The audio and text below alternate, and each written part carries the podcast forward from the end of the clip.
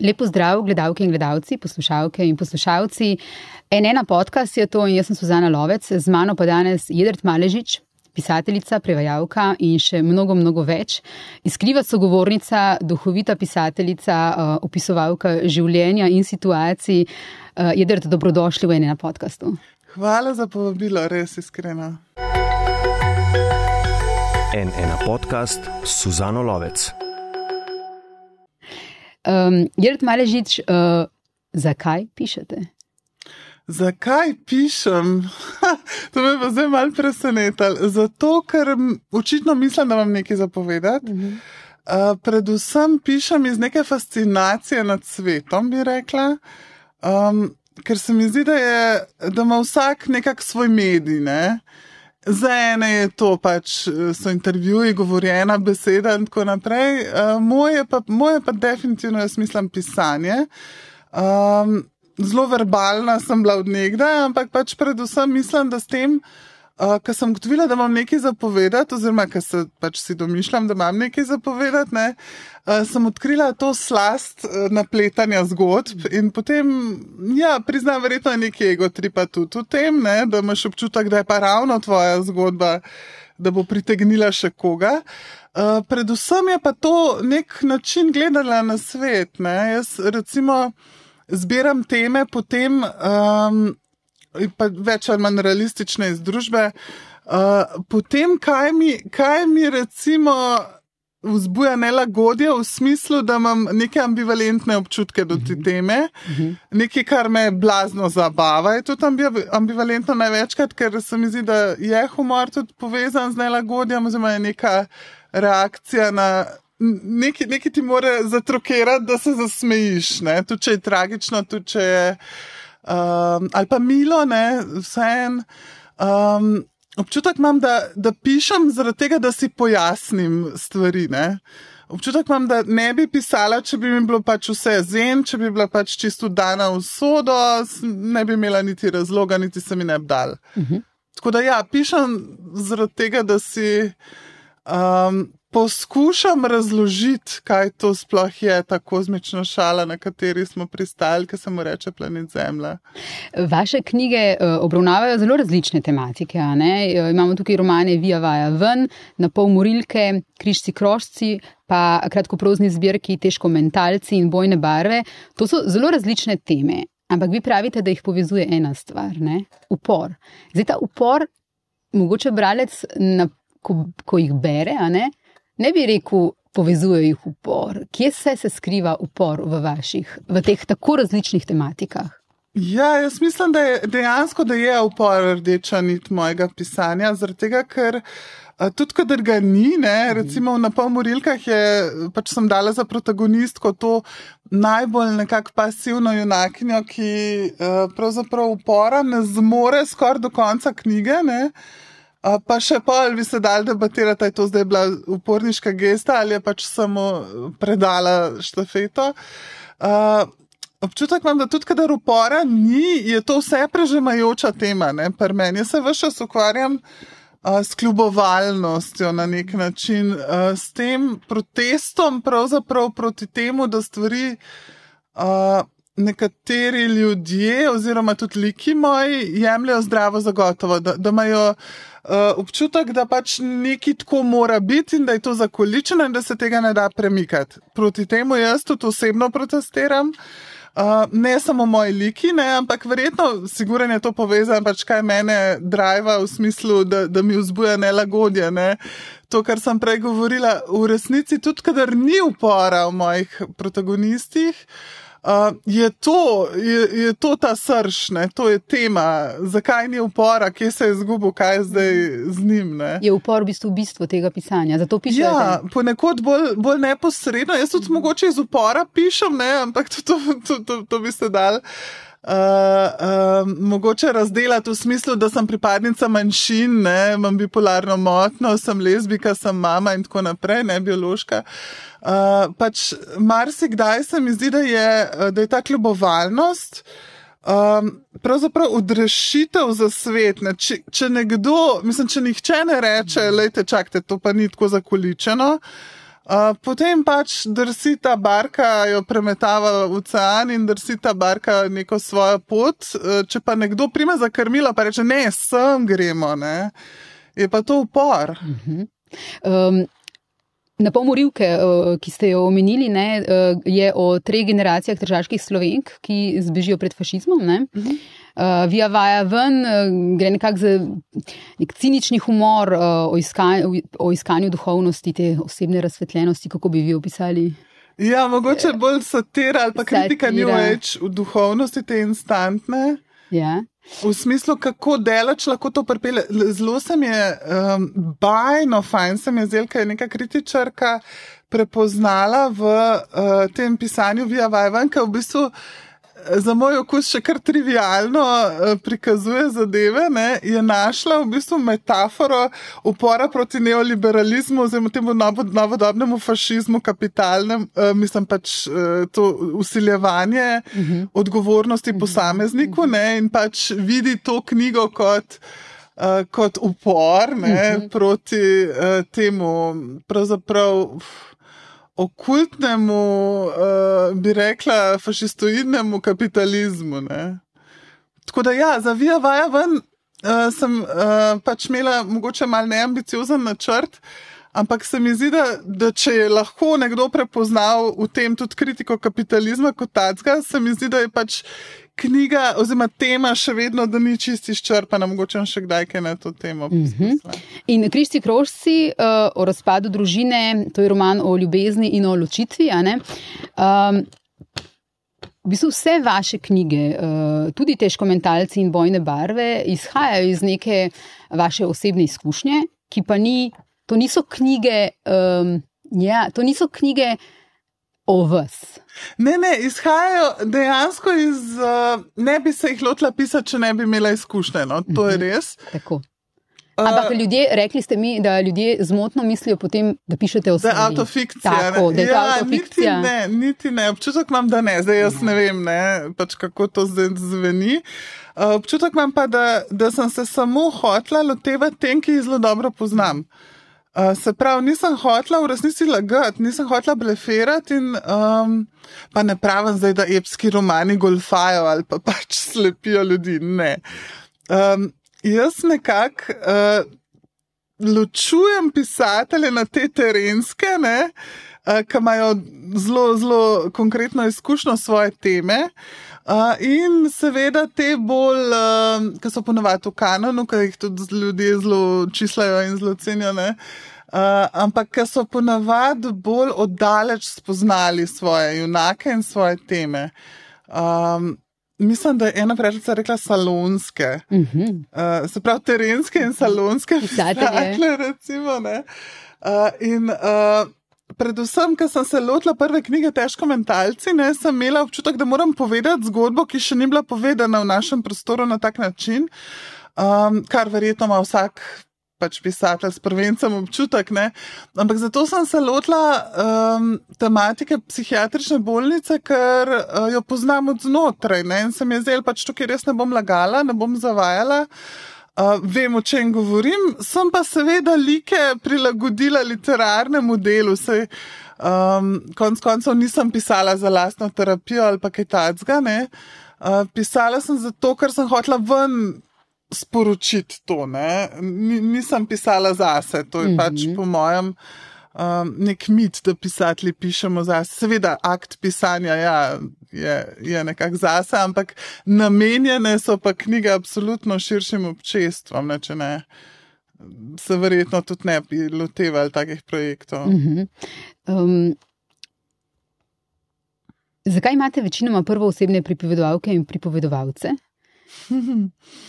Ja, to, to je tudi za me osebno malo provokacija. Uh, vedno od nekdaj, ko sem prebirala knjige, pisane v prvi osebi, uh, sem imela pač to tendenco, se ne za nalaš, ampak kar tendenco, da sem povezala, to se je pa mogoče vsaj v neki obliki uh, tudi piscu zgodilo, uh, piscu piski.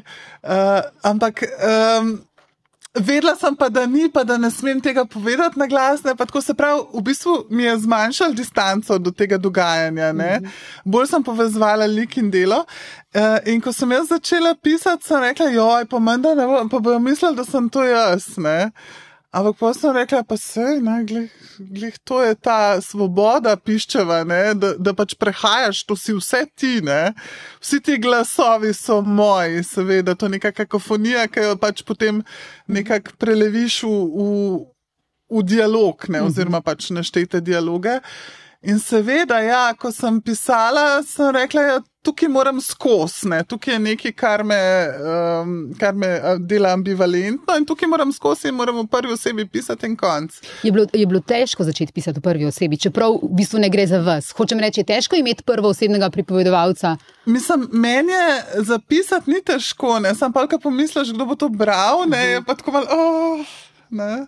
Glede na to, da sem jaz recimo sama imela isti predsodek, pa imam predvsej opravka s knjigami, prevajam, mhm. pišem.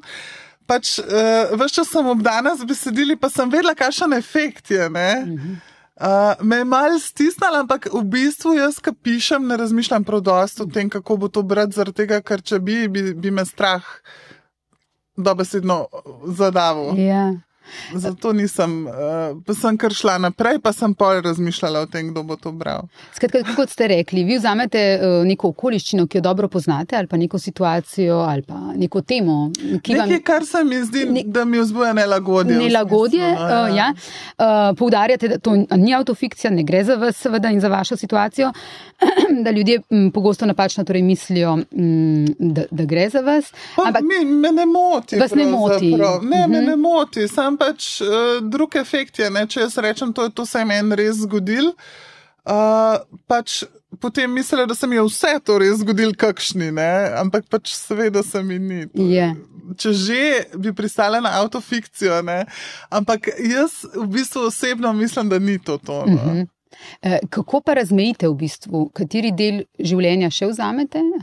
Jaz kar vse pokradam. Jaz pač mislim, da je pač to je ta svoboda, če si pisac, lahko kradeš izkušnje. Vem, večina stvari, recimo v kristih krožcih, ja. ki so ja. romano lezbično materinstvo in o ločitvi. Um, večina se ni zgodila, ne meni, ne komu tako pač od mojih zelo bližnjih oseb, ne? ampak vendarle mislim, da neka celota, pa, pa za nekoga, ki ve, kakšna je bila moja izkušnja z ločitvijo, ne pa da imam otroka, recimo. Uh, Bo takoj pomislil, bo takoj po povezal z mano, ampak pač jaz mislim, da je to še vedno nekak um, stvar posameznika. Zdaj, če se tega bojimo, ne kot mhm. avtorce, uh, potem, po mojem, nima smisla pisati. No. Je, je potem verjetno pisati slabši, če se bo. To pač vzameš na sebe. Mm. Po eni strani je krinka, po drugi strani so pa varovalne barve. Mm -hmm, mm -hmm. Zdaj, jaz bi, ne vem, rada rekla, da sem vse to doživela, ne? ampak pač moj, moj svet ni tako razgiban. E, e, rekli ste mi, da pri križnih krožcih, da ste hoteli napisati nekaj, e, kar bi si vi želeli brati par let nazaj. Skratka, to je roman o razhodu lezbičnega para, ki ima skupaj otroka in se ločita. E, jaz lahko rečem, da je to roman o. Vseh parih, ki se ločijo, ne glede ali so heteroseksualni ali homoseksualni, in bi ga res priporočala vsem. Uh, Um, tudi sicer vi pravite, ne, da uh, radi rečete, da pišete za vse, ne? nikakor ne samo za LGBT uh, osebe uh, in da um, ja. se literature ne sme zapirati v neke mehurčke. Ja, tukaj je zdaj zelo velik tem, ki bi jih rada načela. Zdaj, mogoče bi kar začela s tem, da pišem za vse. Mislim, Jaz ne znam tega razmejiti. Ne? Mm. Ne, ne da bi rekla, zdaj, da moramo vsi pisati za vse, to sploh ne pač pišete za kogar hoče, ampak jaz dejansko ne znam razmejiti. Uh, za koga pišem, za te pa ne, ne? Ti, ti boš bral, ti pa ne boš. Pač jaz pišem za neko generalno javnost. Ne, uh, tudi ko pišemo o lezbičnih temah, zdaj super vprašanje mi je bilo od enega nemškega uh, pesnika v Frankfurtu me vprašal. Uh, kaj mislimo o getoizaciji, pa pač uh, recimo zapiranju LGBT plus literature. In uh, se mi je tako zdel, pač družba kot celota, vse čas ponavljam, pa tudi ne vem, kdo me pa sploh še pripravljam poslušati. Um, tudi LGBT pravice, ne, pa pač enakost, to ni stvar neke oske peščice, to, to ni stvar manjšine, to ni zdaj zato, da bomo mi, ne, lezbike, geji in ostali se izborili zase te stvari. Ne, to je stvar družbe kot celote, to je stvar volje, do kakšnih hočemo, hočemo biti mi ljudje, recimo, ne, uh, ali pa pač tudi širše, konc koncev. Uh, kaj hočemo od tega sveta in kaj smo pripravljeni za to dati? Ne? Jaz mislim, da tudi LGBT pravice, pa LGBT literatura je pač uh, vedno odraz družbe kot celote. Ne more biti. Um, um, ne, ne znam jaz tega omejiti. Recimo, uh, v, na, v slovenskem prostoru sem imela občutek, da je uh, veliko uh, lezbične literature namenjene prvenstveno recimo lezbični mhm. srednji. Um, pa, pa, pa, pa ni to moja smer, ne, recimo. Mislim, seveda super in krasno, da to obstaja, da obstajajo varni prostori, ki lahko pač, za katere se piše, v kateri se tudi piše svojo lastno zgodovino, ne, LGBT oseb in tako naprej. Ampak jaz enostavno te zgodovine ne znam ločiti od vse splošne človeške zgodbe. Mhm. Za me je to, um, kako si bomo zdaj izborili enakost med ostalimi, eh, to ni stvar eh, neke peščice, nikakor, ampak je to stvar predvsem te širše srednje, ki nas včasih blokira, pa ne spusti. Um, istočasno jih blazno ferbec, kako mi živimo. Ne? In zdaj mogoče sem tudi zato hotla malo napisati, da, da ni nujno. Nismo vedno pridni, nismo vedno zgledni, ampak to še ne pomeni, zdaj, da si ne zaslužimo enakih pravic, kot jih imajo vsi. Ne? Pričemer smo se zaleteli v še eno predpostavko, ne, da se kot pridnost uh, upošteva to, da ostaneš za večno skupaj. Ja, ja to, je ta, to je pa ta ironija, ki jo jaz uh, pač še kako čutim v lastnem življenju, ne zdaj, ko sem ločena. Uh, oziroma, zdaj niti ne, zdaj se ne sekiram, uh, zdaj, zdaj sem kar v redu, uh, tudi v partnerstvu in tako naprej. Ampak um, imela sem v preteklosti, ko sem se ločila, sem imela občutek, da da me vidijo ljudje, ki so podpirali naša prizadevanja za enakost, kot neko nehvaležno, ne? v smislu. Tako smo se zelo borili, da vam omogočimo poroko, ne pa da bi bilo ločitev. Ja. Mislim, kdo še to videl. No, čeprav ni avtofikcija, mislim, da ta del zelo dobro obesedite. Uh, um, v, v romanu, ne, eh, če si enkrat pocahnan kot vesela družinica, enkrat pribeležen kot srečno poročena in plodovita posameznica, je to žig. Ne moreš se zapustiti, ne moreš biti zapuščena, kamoli zapuščena sama doma med karanteno, nimaš se kaj ločevati, nimaš kaj zvijati robentastih jointov za pacanem fletu, nimaš kaj samevati.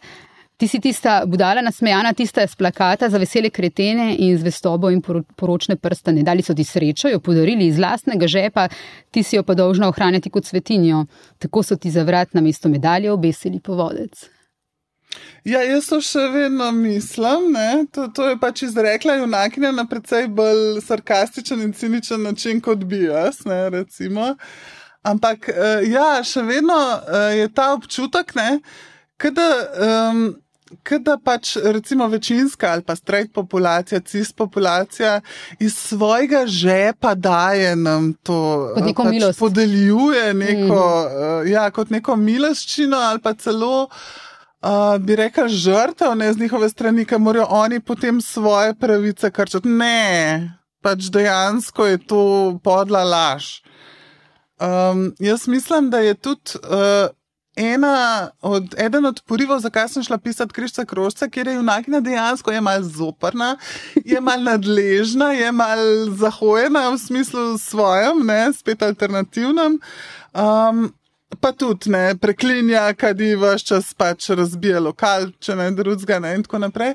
Uh, ona je odraz tega, kar jaz mislim, da moramo vsi skupaj sprejeti.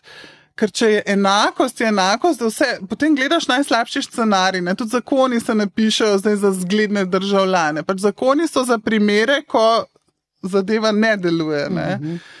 uh, in če je enakost, je pač vsak, ki nam je zoporen, deležen enakih pravic. Pika. Umeni se ta humor, ne? to v vaših besedilih, v vaših tekstih, v vaših knjigah vsi omenjajo. Um, tudi ko človek bere res že na prvih straneh uh, se nasmehne, gre. Ne vem, če bom dobro ubesedila, ampak tako je v bistvu tudi zelo resne teme ali pa teme, kjer se vsi najdemo, ki so težke, ne teme, tako neki občutki. Um, je to, s čimer pridete do bralca, je, je res nek iskren, iskrenost mešana s sarkazmom. Uh, in zato mogoče tako zelo zažgejo ta, ta besedila, ker se tako nek, pridajo zelo blizu, ampak prav zaradi te, te neposrednosti, ne? ki je oženjena uh, z nekim humorjem, zelo inteligentnim, ni na prvo žogo, ampak hkrati je pa tako, kot da bi se v bistvu vi pogovarjali, a ne z mano, recimo, kot da se dva prijatelja pogovarjata. No, sej brez filtra je, a ne, brez filtra je napisano in to se čuti, da je iz kako ne rečem, besedilo iskreno. Ne, mm. ja. um, ampak vi pravite, da uh, vas veliko krat sprašujejo o tem humorju in tudi res, kar sem brala o, o vas, intervjuji, kar so vas sprašvali, vsi pač omenjajo ta humor. Uh, in pravite, da ste razočarani, če kdo reče, da so mu vaše knjige smešne, ker pravite, humor je za me sredstvo preživetja. Ne? To ste rekli tudi v podkastu Modra soba. Da gre za humorno luč v najtežjih trenutkih. Um, kako ja, vi vidite, kako, ja, kako vi ta svoj humor uh, čutite, kako nastaja in um, napišete to besedo tako, kot čutite pri sebi, da more iti v uho nekomu? Ja, jaz pišem ne glede na to svojo, kar sem prej rekla, fascinacijo, ne, da mi nekaj zatrokera, pa pač bruhnem prasnem usmehne. Uh, v smislu, Ne zdaj, da bi rekla, da je to ho, ho, ho ne, da, ja. se, da se zabavamo, lepo, fajn bomo meh raztegnili. Ne. ne. Pač dejansko uh, sem bila skoraj užaljena. Uh, pri težko mentalcih, pri prvencu, ker so mi kašni ljudje rekli, oj, kako fajno pišeš to psihiatrijo, sem umiral od smeha. Kako, to je tragična tema, ne vem, mm. se zelo, kako, kako so umirali od smeha, jaz nisem želela zabavljati, ne, čez ljudi ali pa se jim rogati. Mm -hmm. V smislu, da. Uh, Ja, ne morem pa prepovedati, seveda, ljudem, da se smejejo, če jim isto naredi, če je pač to ta njihov, ne, da jim zatrukira, pa da jih popade smeh. To, to, um, to sem, po mojem, kar mal morala spremeniti percepto logiko, nekaj najprej sem tako, ne, ne se smeja, to nisem jaz mislila smešno, ne. Ampak, uh, če, če pa ja, pa zakaj pa ne, konc koncev. Jaz sem sam uh, nekako v teh uh, vprašanjih videla vedno um, neko nerazumljenost, ne? nekako se mi je zdel, vse v. Ne vem, v vojnah, v obleganem Sarajevu, vse so vedno bili vici, vse so bile vedno šale. Posod, ker je napetost, posod, ker je ambivalenca ali pa pač neko osnovno nelagodje, uh, pač uh, udaraš z, z humorjem lahko. Ne? Je pa res, da je to, uh, sem pa mogoče v naslednjih knjigah malo bolj razmišljala, da je tukaj uh, navzoče kar precej defenzivnosti. Mhm. Seveda, kadar je pretežko, se obrneš v humor, ampak ni to cilj mojih knjig, ne da bi bežale pred resnico. Bolje je to, da jaz pač dejansko tako funkcioniram v privatnem življenju, da ko vidim nekaj, kar me fascinira, um, sem lahko jaz temu zelo naklonjena, ni nujno, ne, da mi je zoprno ali pa odbijajoče, da se temu rogam, ampak. Um, Uh, jaz tako funkcioniram, da pač karkoli mi ne gre iz glave, me zaposluje. Uh, jaz to pač prekopicujem toliko časa, dokler ne najdem neke, neke nekega sketcha ali pa pač enostavno ene take. Um, Mogoče za koga zafrkljive situacije, ne samo meni to veliko pomeni. Jaz nimam um, občutka, da bi poniževala stvari s tem, ko se jim smejim. Uh, niti se jim ne smejim, sam pač poskušam jih ironizirati. Um, zato sem pravzaprav končno vesela tega vprašanja, ker. ker, ker, ker um, lahko mogoče pojasnim, kaj me je tako zmotilo, da sem sprva, ko mi je kdo rekel, da, je pač, da so humorna dela, sem pa tako, ne, se niso, ne, seveda so, mislim, humor kot tehnika, seveda je notar. Uh, je pa to pač ja, stvar preživetja, v smislu uh, ne samo preživetja, ampak tudi življenja. Tudi jaz tudi živim tako, ne, pač v vsaki stvari, ki me, um, me zbode v oči, pač vse čas iščem te neke humorne pritikline. Tudi če jih ni, toliko bolj jih iščem. Ne? Mhm. In je to v bistvu nekaj. Modus vivendi. Modus vivendi, nekaj, s čimer si vsi lahko pomagamo. Jaz bi tukaj prebrala še en odlomek uh, iz te knjige, v katerem se, po mojem, res lahko čisto vsi najdemo, nekoč v življenju. Um, najhuje od vsega je dejstvo, da ko čakaš, da bi se nekaj fatalnega zgodilo, se zagozdilo v kolesju časa, da ustavi, enkrat za vse le ustavi njegov tok, preseka in uniči kontinuiteto, takrat še, še naprej teče in gre dalje, kot da ni nič takrat, ko, najbolj, ko si najbolj sveto prepričana, da bi se moral svet še isti hipec končati, obnemeti in obstati, gre čas dalje. Mirno se nadaljuje, to mu je v naravi, tako stvari potekajo in ni potrebe, da bi se zaradi tebe karkoli spremenilo, ker kdo pa si ti, kdo kurca pa si ti. To je, ja, to je ta. To je to. Ja, to je ta nek imperativ, da pač stvari grejo naprej. Eh, vedno pa ob vsaki tragediji, jaz mislim, imamo res vsi občutek. Uh, to je mogoče res tako zelo univerzalen del tega romana, čeprav jaz mislim, ja. da načeloma je to kar lezbična knjiga, ne, v smislu uh, odločilnosti mhm. lezbištva za to, da se zgodi kar se. Mhm. Um, Uh, tukaj, ja, tukaj pač nimam kaj dodati. Ja, ja. Seveda, najhujš, najbolj nefer, najbolj se ti žmaga to, da se ni vse skupaj, vse skupaj porušil, ko se je te porušil svet. Ja. In tako kot ste rekli, ja, ob vsaki tragediji naši, ko jo doživljamo, se nam zdi čudno, da svet še kar je. Ja, jaz doskrat se celo to lažem na ta način, ne, da rečem, pa jo, pa tam v Singapurju, pa na Kitajskem so ogromna mesta, ljudje živijo, mislim, ali pa pač galaksija, ne, tako nekako si mal. Um, Poskušam stvari um, v merilu mm -hmm. predstavljati, da jaz tle obolevam, uh, konce ne vem česa, konce mojega sveta. Ne. Medtem ko pač uh, v Maleziji veselo vrvijo ogromna, uh, ogromne metropole. Pač, na tak način se lahko počutiš slabša, pa predvsej boljš. Mm -hmm. Se mi zdi, da je čas to minevanje. V bistvu, eh, ne vem kdo, mislim, da ima tej bogataj v eh, mladini, da je ugotavljal, da je to roman o času, ne, mm -hmm. križci, krožci, tudi mogoče zato, ker gre v rikvrc, ne, zgodba. Tako, tudi. Uh, pa tudi zato, ker je seveda začetek tragičen, oziroma pač razpad sistema, ne, pa pa gre vedno bolj v neko idilično ljubezen. Uh, ki je verjetno tragična, že zaradi tega, ker si prej prebral, kako je razpadla. Uh, mogoče je to ta um, neusmiljenost časa, ne? da sem mogoče res tako nezavedno želela to obdelovati, da me je to tako fasciniralo. Um, pišete, oziroma ste pa že napisali tudi novo knjigo. Uh, ste že napisali nekaj, kar je zelo kratko. Izide januarja? Januarja, ja. Ali lahko že zdaj kaj rečemo o, o vsakdanji dvoličnosti. ja, lahko, seveda. Jaz sem se trudila poiskati uh, zgodbe ljudi, ki niso na prvi pogled dvolični. Skoraj nihče ne bi rekel, da so um, nekako na prvo žogo, kakorkoli hinavski. Uh mhm. -huh. Nekateri pa tudi, ja, seveda. Ampak potem. Recimo, sem se trudila vplesti druge like, ki so prav tako hinavski, sem mogoče ne tako očitno. Ne? Uh, se pravi, nisem nisem pravzaprav želela tako uh, v obraz plunt družbi kot taki, ne? ampak sem hotela pravzaprav to nizati neke te fascinacije s temi drobnimi, v bistvu neopaznimi dvoličnostmi. Ki jih, uh, po mojem, pač čisto si prepoznavamo, je najlažje okrog sebe, seveda, ne, uh, pri sebi malo težje, ampak seveda so. Sej, um, Ukvarjala sem se pa z najrazličnejšimi, od, vem, od protestnikov, direktorjev. Uh, najbolj mi je bilo žal ene veganke, ki več nisem res in nisem hotela nič hudega. Ta glas, ki sem ga slišala, je v prvi osebi. So vsi v prvi osebi. Ne, ne, ne. ne. ne. Tukaj, tukaj sem Aha. pa mal menjala, zato ker sem je, čeprav, ja, verjetno jih je kar dost, kar dost v prvi osebi, ampak.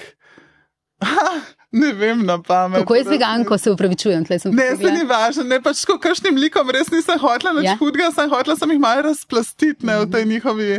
Um, zato sem dala naslov tudi dvoliki, nisem dala dvolične ži ali pa dvolični, ne pač tako.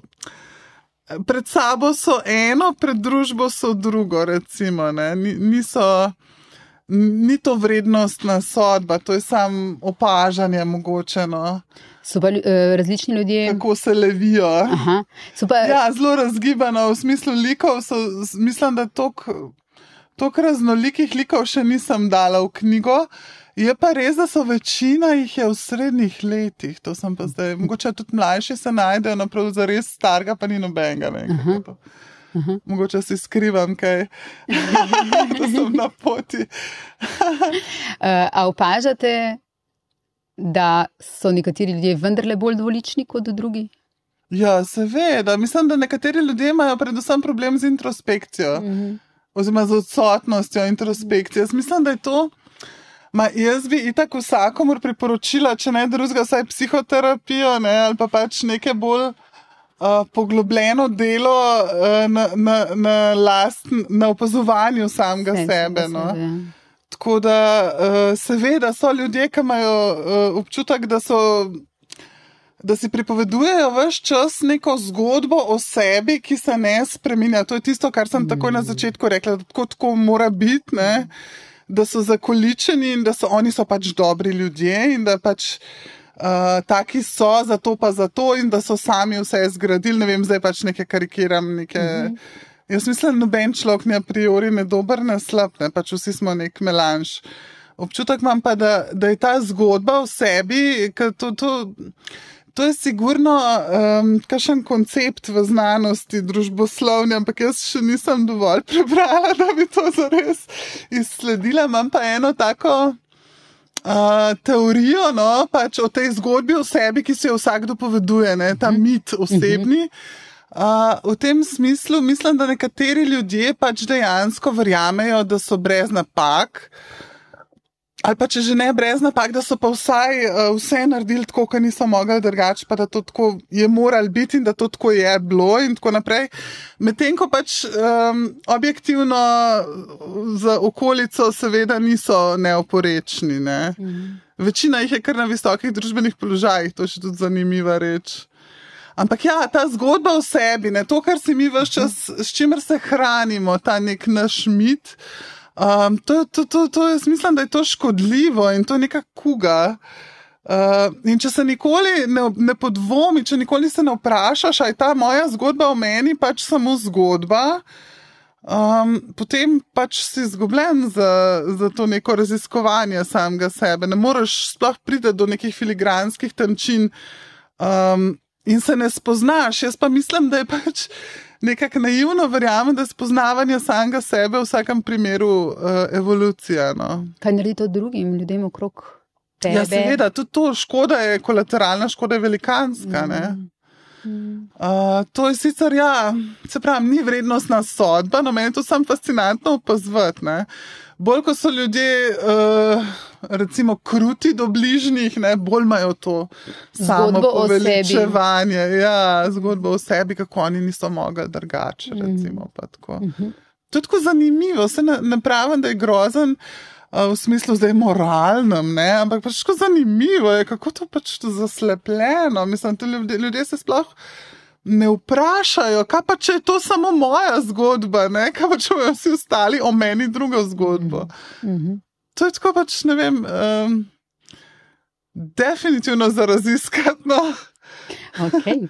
Bomo prebrali. Um, Jedrt Maležic je pa tudi prevajalka. Uh -huh. Študirali ste vi prav prevajalstvo, prevajate iz angleščine in francoščine. Um, kakšna je razlika med prevajanjem in pisanjem za vas? Um, mislim, da ste nekoč rekli, da um, prevajate za kruh. Za zaslužek, pisateljevanje pa užitek. Je, je taka ločitev? Ali je Ja, tudi, je to uh, tako prisilno, ne? to je res prisilno. Jaz bi z rade volje pisateljevala za kruh. Ja. Tako je, sam pač zaenkrat nimam te možnosti. A pa je tudi v prevajanju užitek, to hočem reči. Za Ja, seveda, seveda. Ja. Jaz dejansko mislim, da so to dve različni službi, ne? čeprav Mhm. imate obe upravka z besedami veliko. Ampak eh, pri prevajanju dejansko so neki drugi procesi na delu. Mhm. Uh, jaz se nikoli nisem tako zelo poistovetila z uh, prevajanjem, kot se pravzaprav zadnja leta s pisateljevanjem. Sem imela pa dolg časa problem reči, da sem pisatelj. Sem tega prevajalka mi nikoli ni bilo problem. A, res? reči, Zakaj pa to? ne. Ja, podobno. Nisem si upala uzurpirati te Aha, titule. Ne, te titule. Podobno kot sem, eh, recimo, rade volje vsakmu povedala, da sem bila v norišanci in da pač da imam bipolarno motnjo, ne, da sem lezbika, sem pa rekla, jaz šele pri 30 zase. Aha. Tako nekako uh, iz enega straha spoštovanja, mogoče, ali ne vem. Jaz sem zdaj sicer, uh, mislim, da sem pisateljica, uh, nisem pa tako zelo, um, um, ne da bi rekla glasna, ampak v tem smislu. Mi, pisatelji. Ne, Mhm. pa ne. Ampak eh, v Frankfurtu ste bili, ne? ja, ja, ja. Ka- Kakšna je bila tam izkušnja? Uh, pa ne vem, jaz sem mogoče mal, um, bila mal tam uh, splašena v smislu, ne, kako smo zdaj mi prišli iz neke daljne Slovenije. Sicer tam v paviljonu je bilo luštan, pa organizatori so bili super v vse. Ampak uh, občutek sem imela, da sem pač dejansko še zelo daleč od tega, da bi si le rekla samozavestno, da jaz sem prišla, jaz bom zdaj vas počastila s svojim mnenjem ali kakorkoli. Uh, nisem imela uh, najvišji, najvišje samopodobe, no, uh -huh. da rečem. Uh, občutek imam, da se je z organizacijo zgodilo nekaj, kar je pač dejansko bilo skoraj da ne, nepričakovano za me, kako se je dobro odvil pravzaprav na koncu. Uh, glede na to, kako je kazal, pa kako smo se bali vsi, da bo to pač mal. Uh, polomija, nismo niti slučajno nismo bili prezrti, ne? nismo bili pač um, niti povzdignjeni, ampak pa dejansko, dejansko je bilo dobro speljano. Jaz mislim, da organizacija da je bila super. Najbolj sem bila pa vesela teh novinars, oziroma novinarskih. Pač mene je en pesnik sprašval, mene pa Stanko Hrastelo enem večeru. Um, um, take stvari, ki sploh pri nas nekako ne pridejo na tapeto. Ne? Oziroma, zdaj v takem poglobljenem pogovoru, ki ga imamo medve, recimo, vi, vi ste me že vprašali to s humorjem, pa to ne. Ampak tam je bilo pa tako.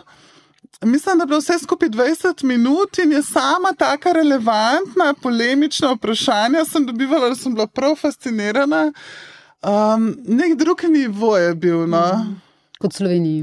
V, v resnici bolj uh, bi rekla, skoraj povezan s poglobljenostjo branja. Ne? Tukaj pa nas ne vem. Uh, včasih je že vprašanje, kje dobite navdih ali kaj takega. To, to pač lahko vprašaš kogarkoli. Mislim, to dosti generično, ne? ampak tako.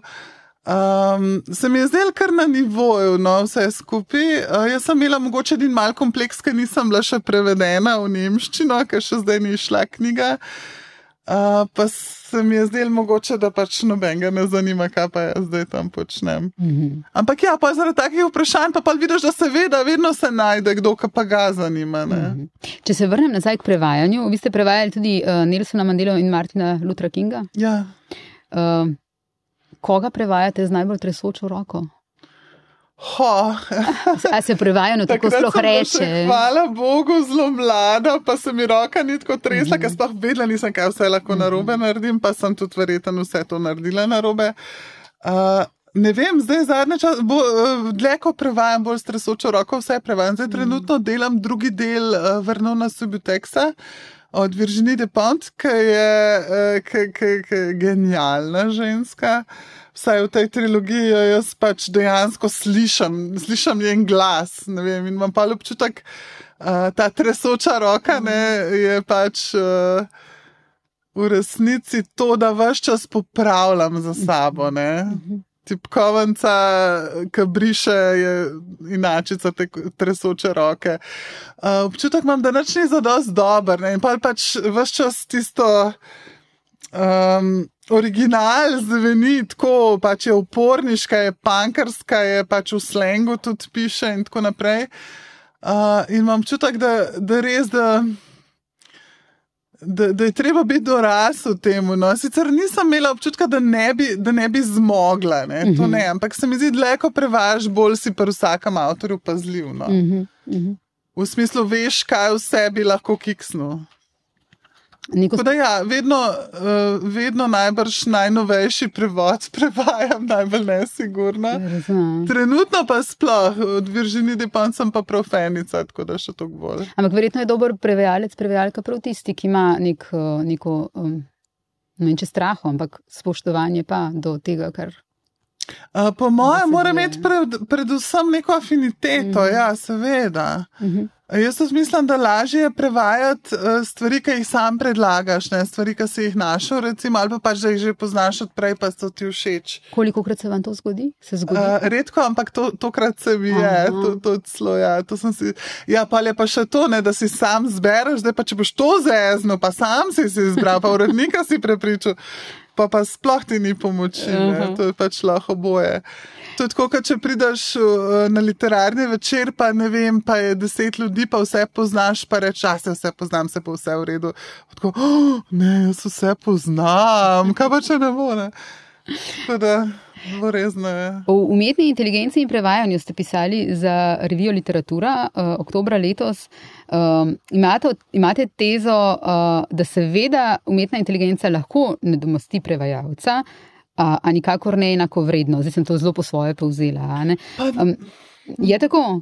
Mislim, da zdi se vam pomembno, da je od zadaj človeška izkušnja uh, in da je pomembna smer, v katero um, kaže prevod. Um, Jaz sem v bistvu uh, mislila, da umetna inteligenca ne more nadomestiti tega tako? človeškega faktorja v književnem prevajanju. Uh -huh.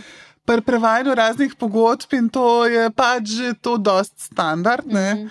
Uh, tudi zmore, ne, tudi zmore tvoriti metafore. Ne. Pred leti smo se recimo uh, smo se zezali, kaj bo pol, ko bo, nas bojo telefoni že posod razumeli, kaj govorimo, pa tako bomo morali pa v metaforah. Pol. Pa se bomo sam še stropi sporazumevali, ne, pa tako da nas ja ne bo umetna inteligenca uh, nam prisluškvala, pa tako to je zdaj že ta vlak je odpeljal, mi pač umetna inteligenca bolje tvori metafore od nas. Uh, moje vprašanje je, kdo bo to bral? Ne? Mhm. Kdo bo bral to, kar bo, torej knjiženo delo, ki ga prevede umetna tako. inteligenca, nam ja. enostavno ali pa meni osebno ja. ni dovolj fascinantno. Mene ne zanimajo besede. Ne zanima me samo, kaj tam piše, ne? kaj to zdaj pač nekaj generalno pomeni, ampak me predvsem zanima avtor, ne? zanima me, kaj je doživljaj za temi besedami. Ne? In v leposlovju se mi pa zdi, da je tukaj res tok.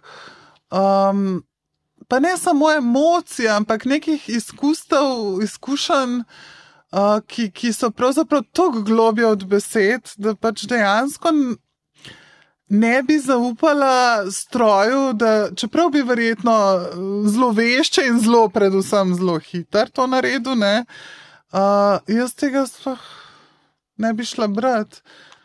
Kot pravite ne, v, um, v tem članku, lik in delo nikoli nista nepovezana. Resnično menim, da so net, ki ga proizvede Chat GPT, res da v metriki je brezhiben in vsebinsko vse bolj um, intriganten, v človeškem bitju še ne more vzbuditi zanimanja, ki bi bilo neko vredno gono, zaradi katerega poskušamo priti do dna avtorjevi domišlji in vso noč ne odložimo napetega romana. Kaj ti kot bralka hočem vedeti, kaj si je mislil pisec, so človek, hočem vedeti, česa so zmožni um in čuti dotičnega. To mene na zadnje pouči o tem, česa sem zmožna jaz. To je v bistvu ja, ta razlika v bistvu med strojem to, oziroma programom in človekom. Ja. In to jaz verjamem, da velja tudi do neke mere za leposlovno prevajanje. Mm -hmm. V bistvu ne more uh, človek uh, oziroma stroj ponazoriti te izkušnje izvirnika tako dobro, kot to lahko naredi nekdo, ki ima to izkušnjo. Uh -huh. Mhm. A se prevajalci, prevajalke že soočate v bistvu s tem, oziroma na kak način umetna inteligenca že vdira v vas, vaš svet? Ja, že, mislim, velik napredek so že slovari na spletu. Ne, to več, ko sem jaz začenjala prevajati, tega niti ni bilo tok. Uh -huh. Seveda, korpusna lingvistika, vse, ja, absolutno. Uh, tudi v um, uh, neki časa sem imela redno službo kot prevajalka evropskih besedil ne, in tam je bilo pač recimo ogromno teh korpusov, uh, kjer so bile stvari že prevedene in si mogel seveda upoštevati že obstoječe prevode. Um, vsak dan bolj, ne, ampak v leposlovnem prevajanju se mi zdi, da je vse skupaj da je to bolj literatura, no? bolj v smislu leposlovja, kot pa pač uporabne vrednosti. Tudi mhm. tukaj v leposlovnem prevajanju imam občutek, da pač. Težje prevlada kapital. Teže, mislim, pač, če imaš ti neko pogodbo, pa jo flikneš not v prevajalnik, ti bo dost točno razložil, koliko bo kdo dobil keša, kaj bo kdo imel od tega in tako naprej. Uh, tukaj pa ni tako jasno, kaj ima kdo od tega, ker ima predvsem vsebina uh, več veze z doživljanjem ne, -hmm. literature same in tudi, uh, seveda, uh, nekih čist človeških izkušenj. Tako da se mi zdi, da tukaj še ne udira tako zelo. No. Definitivno je fascinantno, ne, kaj, kaj lahko sprovede umetna inteligenca in v koliko kratkem času provede, recimo, ne, uh, roman, tako da ga lahko razumeš približno. Ampak um, jaz mislim, da pač enostavno imam eno tako malo mogoče renesančno upanje v ljudi, da, um, da jih bolj zanima tisto, kar je zadaj, no? Mhm. ne samo to, kar, kar je rečeno. Uh, literarna kritika, kako jo doživljate, oziroma pravite, da se vam zdi zapostavljena v Sloveniji? Ja, v Sloveniji je pač literarna kritika tako slabo plačana, da jaz tega sploh nisem mogla verjeti, ko sem mi pojasnil. Uh, uh, se mi zdi pa pač absolutno nepogrešljiva za vse pišoče. Uh -huh. uh, je, recimo, meni je zelo, zelo pomembno, kaj bo kritik videl, kot pač zelo uh, vešč, poglobljen bralec, kaj bo videl v moji knjigi. Tudi če bo kritika zelo slaba, pač dejansko je meni to dragocen podatek, je neko ogledalo. Ne? Uh, in uh, je tudi nek zemljevid, ker doska te kritik lahko umesti, um, ne samo potem, zdaj, kaj je avtor hotel povedati, ampak umestite v širše struje. Jaz nikoli ne bom to prebrala, kot kritiki preberejo načeloma. Uh, Uh, pač, ko sem potopljena, ne vem, tu imam še eno tako, uh, kot je tista zgodba o sebi, imam še eno tako, pač osebno neko vizijo, uh, da kritik, recimo, je uh, tako v središču ne? In ima neko vrvico v roki, avtor je pa na vrvici in odblizu zumera stvari. Ne? In pač. Tako kot vrvica mora zdržati, ne, tako mora avtor zdržati in tako mora kritik zdržati. Ne, in zdaj, če je uh, mogoče ta vizija ni, ni, ni glih preveč nazorna, ampak meni recimo veliko pomeni. Da imam občutek, da me kritik uh, nekako lahko vodi v tem smislu, da mi pove, kot zemljevid, kam jaz zdaj, v katero smer grem, kdo je še tam in kako to približam speljati, ne, to mhm. popotovanje. Uh, Dosti krat se zgodi, da pač kritiki prvi vidijo. Uh, kaj si zares hotel povedati. Doskrat se pa tudi zgodi, da, um, da vidijo celo kaj, česar nisi niti zavedno uh, delal, ne, zavestno delal, ne, pa, pa ti v bistvu odprejo novo dimenzijo tega, kar bi lahko naredil mm -hmm. s literarnim delom. Mm -hmm. Tako da jaz, za me je kritika absolutno literarna. Um, pač zaklad in pravzaprav ne razumem, kako je to lahko uh, tako podhranjeno. Ne? Pravzaprav imamo ogromno dobrih kritikov, glede na to, koliko so slabo plačani, pač hvala Bogu, da jih imamo, ampak pač res ni fair. Mhm. Jaz, ko eh, napišem knjigo, seveda zelo nastrpno čakam prve kritike. Um, Pa ne zdaj zato, da bi hotela, da me hvalijo, ne? ampak pač, a, a se je videl to, kar sem jaz hotela, a mi je ratal in kje sem pristala s to knjigo. To, to, to je pač za me neka interakcija, ki bi morala biti pravzaprav vse, po mojem, pri vseh. Um, Uh, pri vseh literarnih prostorih pač dosta enako vredna, ne, v smislu avtor, kritik, mhm. sodelovanje. Mm -hmm. Uh, pri nas je pa pač žal to poklic, ki ne vem, kako se bo obdržal, dejansko mi ni jasno. Uh, še posebej, če bomo upletali s takimi stvarmi, uh, kot so izrazi mlada kritičarka in tako naprej. Mlada kritičarka me je raztrgala. Mm. To je tako poniževalno, mislim, kaj, tudi če je mlada, pa kaj še. Mm -hmm. Uh, še tako slabš, pa, da, da niti mladi ni bilo všeč, ne, zdaj se že malo zezam, ampak hočem reči kako smo pripravljeni takoj um, zavreči to ogledalo, ki nam ga daje kritika. To, to se mi zdi nezaslišano, mm. pač mi rabimo drug drugega. Mm -hmm. uh, Jedete Maležič o bipolarni motni, uh, govorite javno in na glas, tudi danes ste jo sami večkrat omenili. Uh, skratka, detabuizirate tematiko duševnega zdravja, šestkrat ste bili hospitalizirani. Uh, pravite, da več kot 15 let že jemljete zdravila, ki vam, kot pravite, pomagajo. Ob tem pa poudarjate tudi nujnost, tudi to ste danes že omenili, um, da bi bila psihoterapija, ne, pogovor psihoterapevtski, uh, dostopen vsem, ne le tistim, ki imajo denar, da si to plačajo. Uh, povejte iz svoje izkušnje, kako pomembno je to, da bi vsi ljudje, ki so takih ali drugačnih stiskah, ki imajo težave, prišli pravočasno do dovolj usposobljenih ljudi, da bi z njimi tudi psihoterapijo delali. Ja, tukaj je po mojem predvsem problem, da pač nikoli ne bojo vsi, ki bi rabili psihoterapijo, je to dobil. Ne?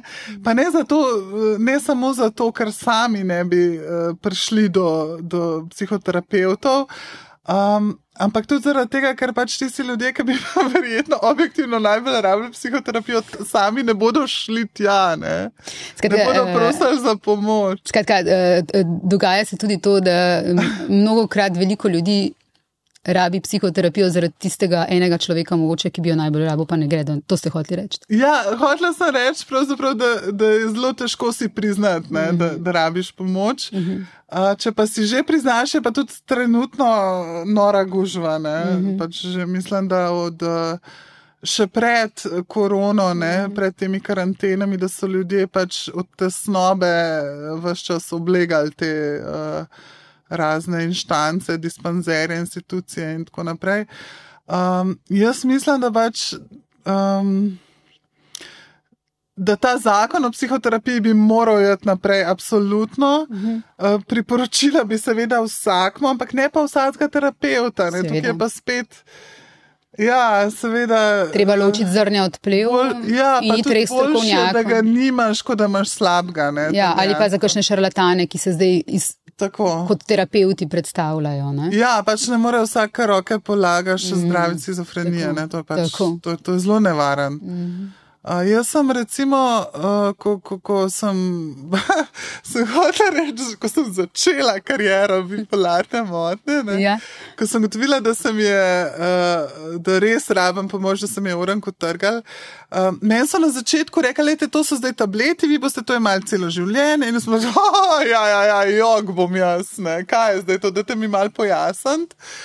In so, so rekli, da ja, pač ste bolni, boste imeli celo življenje. In to je bilo tako brezprizivno rečeno, to je bil pač ukaz, vi boste celo življenje na tabletih. In jaz seveda tega nisem sprejela. Um, mislim, težko je bilo, deset let sem rabila približno, no, da sem se pač soočila s tem, da pač ja, dejansko rabim tablete.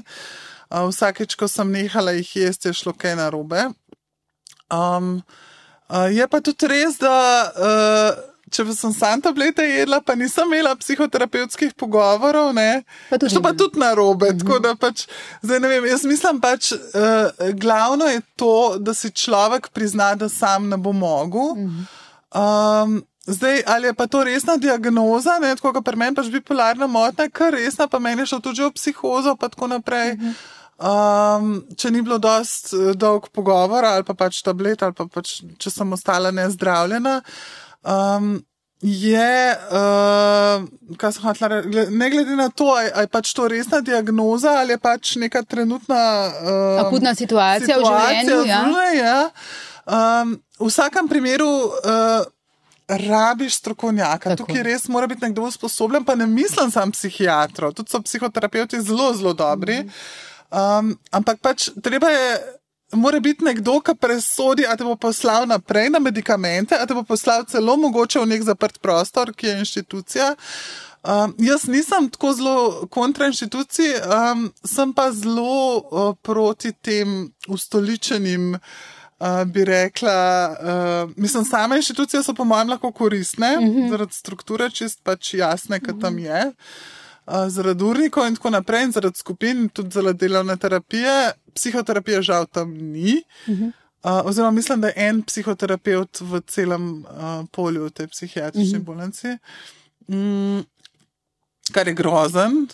Uh, sem si pa nekako uspela v pač tej, tej karieri, zdaj že mislim, da 20 letni ali nekaj takega, pa že več kot 20 let vem, da imam problem. Uh, Uh, sem si uspela izboriti pogovore. Ne? Zdaj, zadnje čase, ravno pred kratkim, sem bila eno leto brez psihiatrinje, uh -huh. kar se sploh ne bi smelo zgoditi z mojo diagnozo. Ne? Pač to hudo je. In potem, hvala Bogu, zdaj imam super zdravnico, ampak. Um,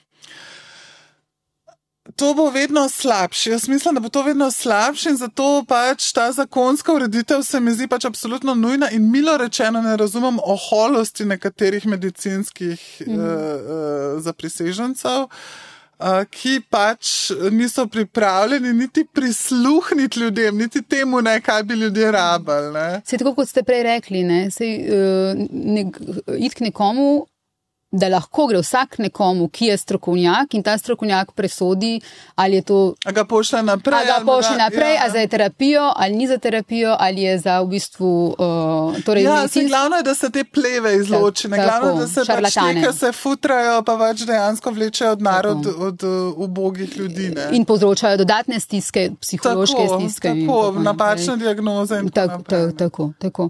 Um, za konec samo še to, um, vem, da ste spremljali. Uh, naše razkritja um, več preiskovalnih člankov, poročali smo o določenih um, pričevanjih o nasilju na Ljubljanski psihiatrični kliniki in na kakšen način se je klinika lotevala tega problema ali pa bolje rečeno slabo lotevala tega problema. Um, torej z vsemi pričevanji, ki smo jih objavljali, raziskavami, uh, preverjanji in odzivi klinike.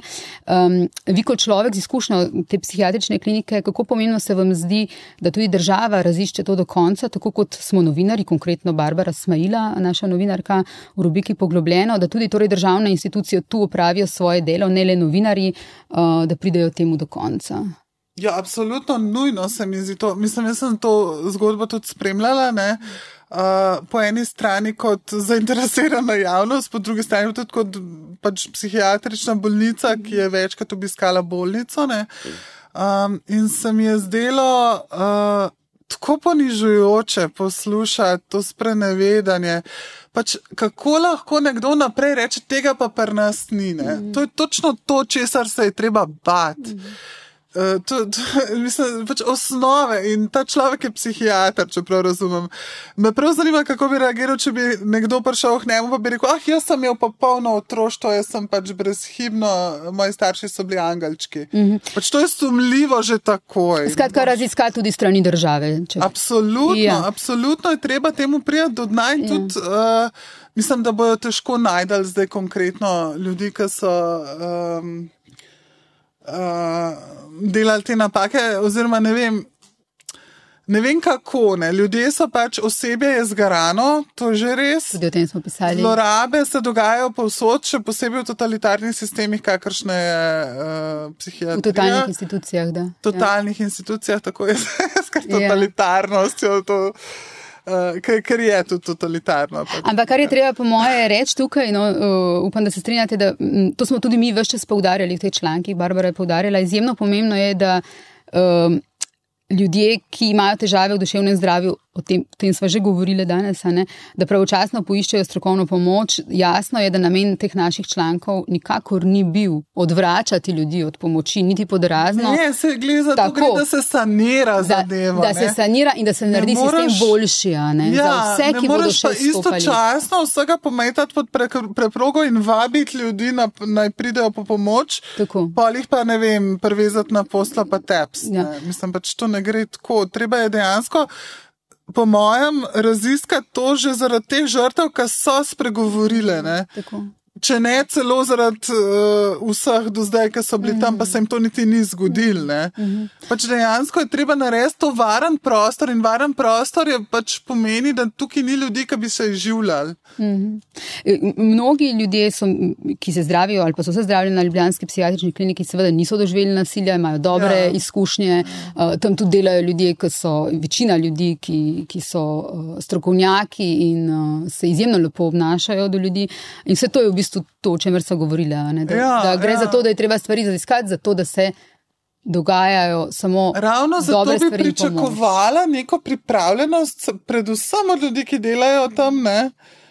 Da se pač njihov delovni prostor, ne na zadnje, detabuizira in sanira. Ne? In tako da pač milo rečeno, sem zgrožena nad tem odzivom psihiatrične klinike oziroma pač direktorja, vodstva. vodstva tako, Uh, ker je eh, ne samo, da je ošabno, ampak je tudi kratkovidno in neumno na dolgi rok. Razen če so imeli uh, um, uh, občutek, da morajo koga odvrniti, ne preveč. Ampak tudi, tudi to je seveda popolnoma neetično. Um, jaz mislim, da pač seveda napake se dogajajo, seveda uh, v sistemu jih je treba čim bolj izločati. Tako, tako kot vseh drugih sistemih. Tako. tako. tako. Um, Jedrt Maržič, hvala lepa, da ste bili uh, moja gostja, hvala lepa za uh, pogovor in upam, da se še kdaj vidimo. Hvala lepa.